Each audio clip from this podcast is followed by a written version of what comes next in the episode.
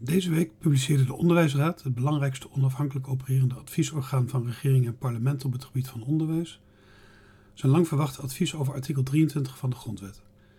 Dit artikel waarborgt de beschikbaarheid voor iedereen van openbaar onderwijs en benoemt onderwijs als voortdurend onderwerp van zorg van de regering. Maar de meeste mensen kennen artikel 23 als het artikel dat de vrijheid van onderwijs garandeert. De gelijke bekostiging van openbaar en bijzonder onderwijs en de vrijheid van richting en inrichting van scholen. Dit betekent dat scholen een bijzonder grote ruimte hebben om te bepalen hoe het onderwijs wordt verzorgd, de inrichting.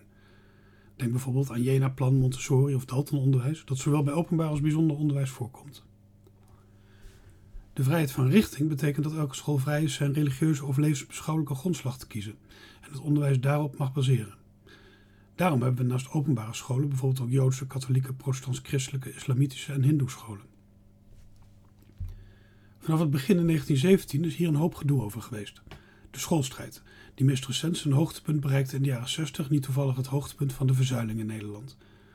De WHO streed vanaf de start voor gezamenlijk naar school gaan onder het motto onverdeeld naar de openbare school. Sindsdien heeft zich een grote maatschappelijke verandering voltrokken. Niet langer is de samenleving gebaseerd op en ingericht langs de maatschappelijke en religieuze zuilen. Op één sector na, het onderwijs. Artikel 23, en dan specifiek de vrijheid van richting daarbinnen, zorgt er tot op de dag van vandaag voor dat in het onderwijs, met name primair en voortgezet onderwijs, kinderen zich gescheiden ontwikkelen afhankelijk van de religieuze en levensbeschouwelijke voorkeuren van hun ouders. De WHO zet zich er tot op de dag van vandaag voor in dat kinderen met welke achtergrond dan ook met elkaar in één klas komen om zich in interactie met elkaar te ontwikkelen en zich zo voor te bereiden op het constructief en met begrip en respect voor elkaar samenleven. Sinds de jaren 60 onder het motto niet apart, maar samen. Ondanks dat er allerlei aanwijzingen zijn dat er een meerderheid van de Nederlanders dat streven steunt, en de onderwijsraad zelf ook heel mooi zegt, en ik citeer, dat de school een plek hoort te zijn waar leerlingen leren samen te leven en samen te werken, ondanks of dankzij verschillen. Een plek waar ze leren dat ze onderdeel vormen van een groter geheel, van lokaal tot mondiaal en van de eigen familie tot de mensheid. Een plek waar ze meekrijgen hoe mensen in de samenleving met elkaar omgaan en waar ze leren andere perspectieven en de ander te zien. Einde citaat. Ondanks dat vindt de Onderwijsraad niet dat er reden is om de vrijheid van richting ter discussie te stellen. Sterker nog, de Onderwijsraad neemt deze als uitgangspunt en noemt zichzelf de hoeder van artikel 23. Dat is een gemiste kans. In het advies worden verstandige dingen gezegd over het primaat van de democratische rechtsstaat. En ook, en weer citeer ik,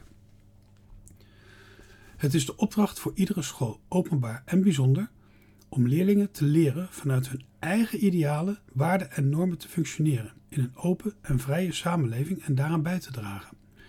De opdracht is voor alle scholen hetzelfde, ongeacht de samenstelling van de leerlingenpopulatie of de grondslag van de school. Het verhaal over de eigen overtuiging vanuit de grondslag van de school is voor de onderwijsraad nadrukkelijk iets wat een school kan toevoegen aan deze verplichte gemeenschappelijke kern, en niet andersom. Einde citaat. Dit is een belangrijk advies, waarbij de rechten van de leerlingen om hun eigen persoonlijkheid en mens- en maatschappijbeeld te vormen, eventueel in afwijking van die van de school, voorop worden gezet. Dat is een positief nieuw geluid. De ogen sluiten voor de veranderingen die zich in de maatschappij aan het voltrekken zijn en een ruim 100 jaar oud grondwetsartikel niet eens ter discussie willen stellen, is dat jammer genoeg niet. Daarom zullen wij dat blijven doen, onder het motto samenleven, samen leren.